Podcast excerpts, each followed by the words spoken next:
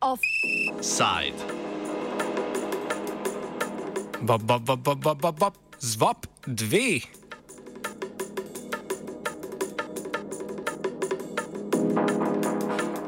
Predlog zakona o varstvu osebnih podatkov je prestal drugo obravnavo na odboru za pravosodje in čaka na obravnavo na plenarni seji državnega zbora. ZMOP 2, kot se glasi zakonska kratica, v slovenski pravni red prenaša splošno uredbo Evropske unije o varstvu podatkov, bolj znano kot GDPR, ki sta jo Evropski parlament in svet sprejela leta 2016. Uredba opredeljuje varstvo posameznikov pri obdelavi njihovih osebnih podatkov, ki jih obdelujejo pristojni organi. Uredba je začela veljati leta 2018, Slovenija pa je z ustrezno prilagoditvijo zakonodaje zamujala in jo sedaj sprejema kot zadnja članica Evropske unije. Govorili smo s Petrom Pavlinom z Ministrstva za pravosodje, enim od avtorjev obstoječega zakona o varstvu osebnih podatkov iz leta 2004 in njegove de facto novele. Najprej Pavlin predstavi koncept varstva osebnih podatkov in njegovo pomembnost v praksi. Varstvo osebnih podatkov, če z tega recimo najvišjega vidika ustava, Evropska uredba o varstvenih podatkov, znana pod kratico GDPR, Konvencija Sveta Evrope 108 in podobno. Če tako pogledamo, je to osebna človekova pravica, ki preprečuje tako državi kot zasebnikom, to je tudi gospodarstvo, ne, da posega v človekov zasebnost takrat, ko so njegovi osebni podatki recimo zabeleženi v raznih evidencah, zbirkah ali se kako drugače obdelujejo.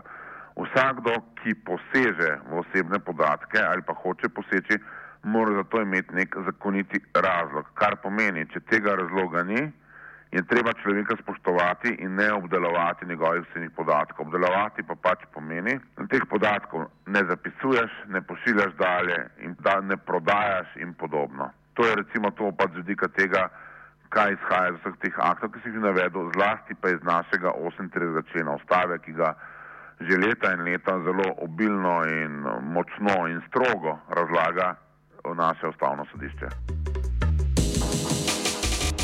38. člen ustave se torej nanaša na varstvo osebnih podatkov. Med drugim prepoveduje uporabo osebnih podatkov v nasprotju z namenom njihovega zbiranja in določa, da se ima vsakdo možnost seznaniti z branimi osebnimi podatki, ki se nanašajo na nj, ter pravico do sodnega varstva ob njihovi zlorabi. Zbiranje, obdelovanje, namen uporabe, nadzor in varstvo tajnosti osebnih podatkov podrobneje še zmeraj določa 18 let star zakon. Zakon o varstvenih podatkih iz 2004 je bil za tisto obdobje izredno napreden in izredno garantističen človeka, se pravi človeka kot individualno bitje, če lahko rečem, in njegove človekove pravice, ker jih je več z področja varstvenih podatkov, je postavil v središče zakonodajnega urejanja. Izhaja iz tega, da se ga ne sme nadlegovati, kot sem prej rekel, da mora biti načelo zakonitosti strogo spoštovano. Potem je zelo natančno določil recimo področne izjeme, video nadzor, biometrija. Tehnološko je bilo postavljati že leta 2004 naslednja, če tako pogledamo pač recimo nove tehnologije ali pa tvegane tehnologije. Leta 2004 smo z zakonom recimo temu urejali in ustavljali rečemo, zlorabe na področju video nadzora, kar pomeni tehnološki razvoj do leta 2004 nas je prehitev ne? In smo to takrat poskušali ustaviti in spraviti v neke normalne okvirje, medtem ko na področju biometrije smo pa ravno do, takrat leta 2004, recimo za primere to navajam, smo pa ravno dohiteli tehnološki razvoj, smo takrat biometrijo, se pravi prstni otisi, genski podatki in podobno, uspeli bolj strogo regulirati, ker takrat pač še ni leta 2004 tako manj duhu šel iz steklenice. Sogovornik povdarja natančno opredelitev načela zakonitosti v novem zakonu, ki sledi odločbi ustavnega sodišča sprejeti aprila. V njej so se ustavni sodniki opredelili do pravne podlage uvedbe GDPR, Zaradi ustavnih okvirjev je prišlo do predrugačenja načela zakonitosti, ki se zavezuje načelom GDPR, a ob tem na prvo mesto postavlja korist človeka. S tem torej pride do aktualizacije varstva osebnih podatkov kot človekove pravice, ZVOP-2 pa prinaša še. Zelo podrobno urejen v razmerju do obveščevalno-varnostnih služb, zelo natančno je urejen nadzor glede tega, imamo urejen način sodelovanja z varuhom človekovih pravic, imamo zelo natančno urejeno vse možne videonadzore, biometrijo, biometrija je tudi recimo zelo strogo urejena v zakonu, imamo vprašanje urejanja pravic mladoletnikov glede uporabe njihovih podatkov v zvezi z družbenimi omrežji. Prelomna doba, ko se recimo osamosvojijo mladoletniki ne, je, ali pa otroci rečemo, je 15 let. Potem recimo od pomembnejših stvari, ki se spet dogajajo v razvoju v praksi, ne, imamo poseben člen, ki ureja video nadzor v javnem potniškem prometu, ker se je v praksi začel dogajati in ga poskušamo s tem zakonom omejiti.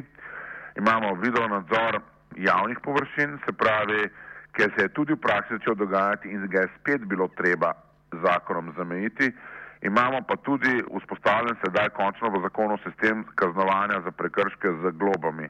Tako z globami po tej GDPR uredbi, ki so visoke, milijonske, in kaznovanja za recimo temu nacionalne globe, ki so pa vseeno napisane recimo bolj v smeri običajnih prekrškov, glavnem niso visoke, niso pretirane potem pa tudi nekoliko urejamo ali pa omogočamo vzpostavitev tega sistema pooblaščenih oseb za varstvo osebnih podatkov, ki že deluje, ampak ne glede na navedeno, je predvsej situacij v Sloveniji, ki so vseeno zahtevali recimo temu malo bolj drugačno, bolj popustljivo urejanje tega vprašanja. Pač tako, da dejansko priješ do pooblaščene osebe za varstvo osebnih podatkov, ki tistim, ki obdelujejo osebne podatke, svetujejo, kaj smejo, pa kaj ne smejo. Sloveniji je zaradi odlašanja z novim zakonom o varstvu osebnih podatkov, ki ga mora sprejeti še državni zbor, Evropska komisija v Bruslju že žugala sankcijami. Pavlin na vprašanje, čemu je trajalo tako dolgo, da se Evropska uredba prenese v nacionalno zakonodajo, odgovarja z naštevanjem več ovir. Za prvi kamen spotike označuje nasprotujoče si vrednote in interese, Spremembo trenutnega zakona je leta 2018 sicer tik pred iztekom sklica državnega zbora na to zamaknila njegovo razpustitev pred predčasnimi volitvami po odstopu premijeja Mira Cerarja. Naknadno je prišlo še do opustitve en enotnega celovitega skupnega zakona, ki bi hkrati obravnaval uvedbo GDPR in zakon o obravnavi osebnih podatkov na področju obravnavanja kaznjivih dejanj. Idejo o tem enotnem zakonu so razčlenili na dva dela. Sprememba ureditve varstva podatkov, ki ne zadeva obravnave kaznjivih dejanj, je bila tako sprejeta leta 2020, medtem ko se GDPR direktivi posvečajo sedaj. Čeprav besedilo predloga zakona izhaja iz Evropske splošne uredbe, ZVOP-2 ureja tudi nacionalne posebnosti varstva osebnih podatkov. Tako da prava popolna harmonizacija se je gotovo ni zgodila. Poleg tega ta splošna uredba o varstvu podatkov v samem drugem in tretjem stavku šestega člena priznava, no, recimo temu, možnosti, da imajo kakšne države zaradi svojih ustav ali tradicije pravnega reda bolj strogo varstvo osebnih podatkov. Slovenija med njimi je, kar pomeni, zaradi našega 38. člena ustave in povezane ustavne sodne presoje ustavnega sodišča smo bili nič prisiljeni, je bilo potrebno, je bilo vredno določeno vprašanje ravno zaradi varovanja človeka, individualnega varovanja človeka podrobneje urediti. In zdaj recimo imamo video nadzore zelo podrobno urejene, imamo biometrijo zelo podrobno urejeno, imamo recimo urejene tudi prepovedi prodaje kakšnih podatkov, imamo urejene tudi kakšne posebne obdelave v zakonu, ne vem, centralni registr prebivalstva in podobno kjer eh, podrobneje določamo varnost osebnih podatkov, tako da preprečujemo zlorabe, imamo urejeno povezovanje, imamo zelo pozitivno ali pa recimo zelo v korist svobode izražanja, urejeno področje svobode izražanja, tako da ta zakon varstvenih podatkov ne bo posegal na področje svobode izražanja, ampak velja samo ostali sistemski zakoni, ki že leta in leta tradicionalno to urejajo to področje, ne vem, obligacijski zakonik, zakon o medijih, kazenski zakonik in podobno. Kaj se je dogajalo od sprejema Evropske direktive in katere podrobnosti do sprejema novega zakona ostajajo neurejene, pojasnjuje Bojana Pleterski, direktorica Infohiše, podjetja specializiranega za področje varstva osebnih podatkov. V tem času je seveda bilo veliko napak, to ni nič nenavadnega, predvsem na področju, ki so bila takrat nova, govorimo o uvedbi splošne uredbe. Sama opažam v zadnjem času, pa me tudi veseli, no, da je zavedanje pomena spoštovanja zasebnosti posameznika na, na, splošno, na splošno uh, res zrastlo. Še vedno opažam tudi včasih nek odpor ne, do tega področja, neko negativno konotacijo, ki jo ima splošna uredba ali pa sploh ta zakonodaja tako da eh, razmišljamo vsekakor v tem, da bo spet en nov zagon eh, prišel zaradi te, eh, zaradi te nove, zaradi novele zakona um, in pa seveda se bo zaradi tega, ker v, na določenih vsebinah um, še vedno bodo novosti, predvsem na tistih, ki jih, uh, jih nacionalni zakon mora urediti, ker jih splošna uredba uh, ni uredila do, take, uh, do tega področja. Tam bodo novosti, to je recimo videonadzor, biometrija, naprimer podatki v znanstveno-raziskovalne namene in podobno. Um, pomembne, uh, pomemben dodatek uh, je tudi določba, ki nas kot upravljavce usmerja v večje zavarovanje najbolj občutljivih podatkov, se uvaja tako imenovane dnevniške zapise, ki v bistvu določajo, da moramo zabeležiti, kateri podatki se kdaj in kdo je te podatke obdeloval, tudi to zapisuje.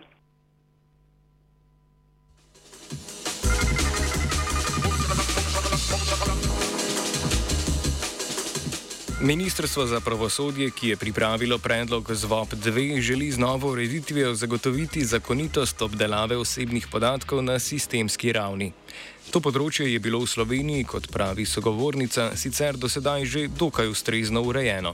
V bistvu je tako, da je Slovenija bila zelo že v tej začne, začetni fazi, ko smo mi govorili še pred GDPR-jem, uh, imela to področje v primerjavi z ostalimi državami v bistvu zelo dobro urejeno. Um, bili smo mogoče vedno ocenili tako, da smo bili v bistvu bolj v uspredju. Mislim, da vseeno smo uh, zgubili mal zagona, zato ker je zakon tako dolgo uh, čakal na, na sprejetje oziroma bil tako dolgo v pripravi vidimo pri naših naročnikih, za nekatere delamo ta, uh, v takih primerih, ko, imaj, ko so recimo um, del uh, globalnega podjetja in uh, sosedeži seveda ne vem, v Nemčiji, Avstriji, recimo pač tih uh, uh, naših uh, evropskih državah.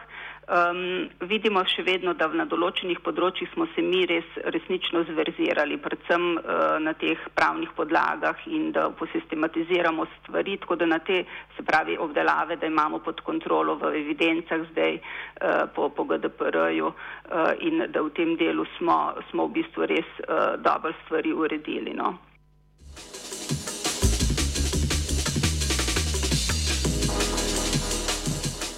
Za konec, če smo zadnji, pa vsaj nismo najslabši.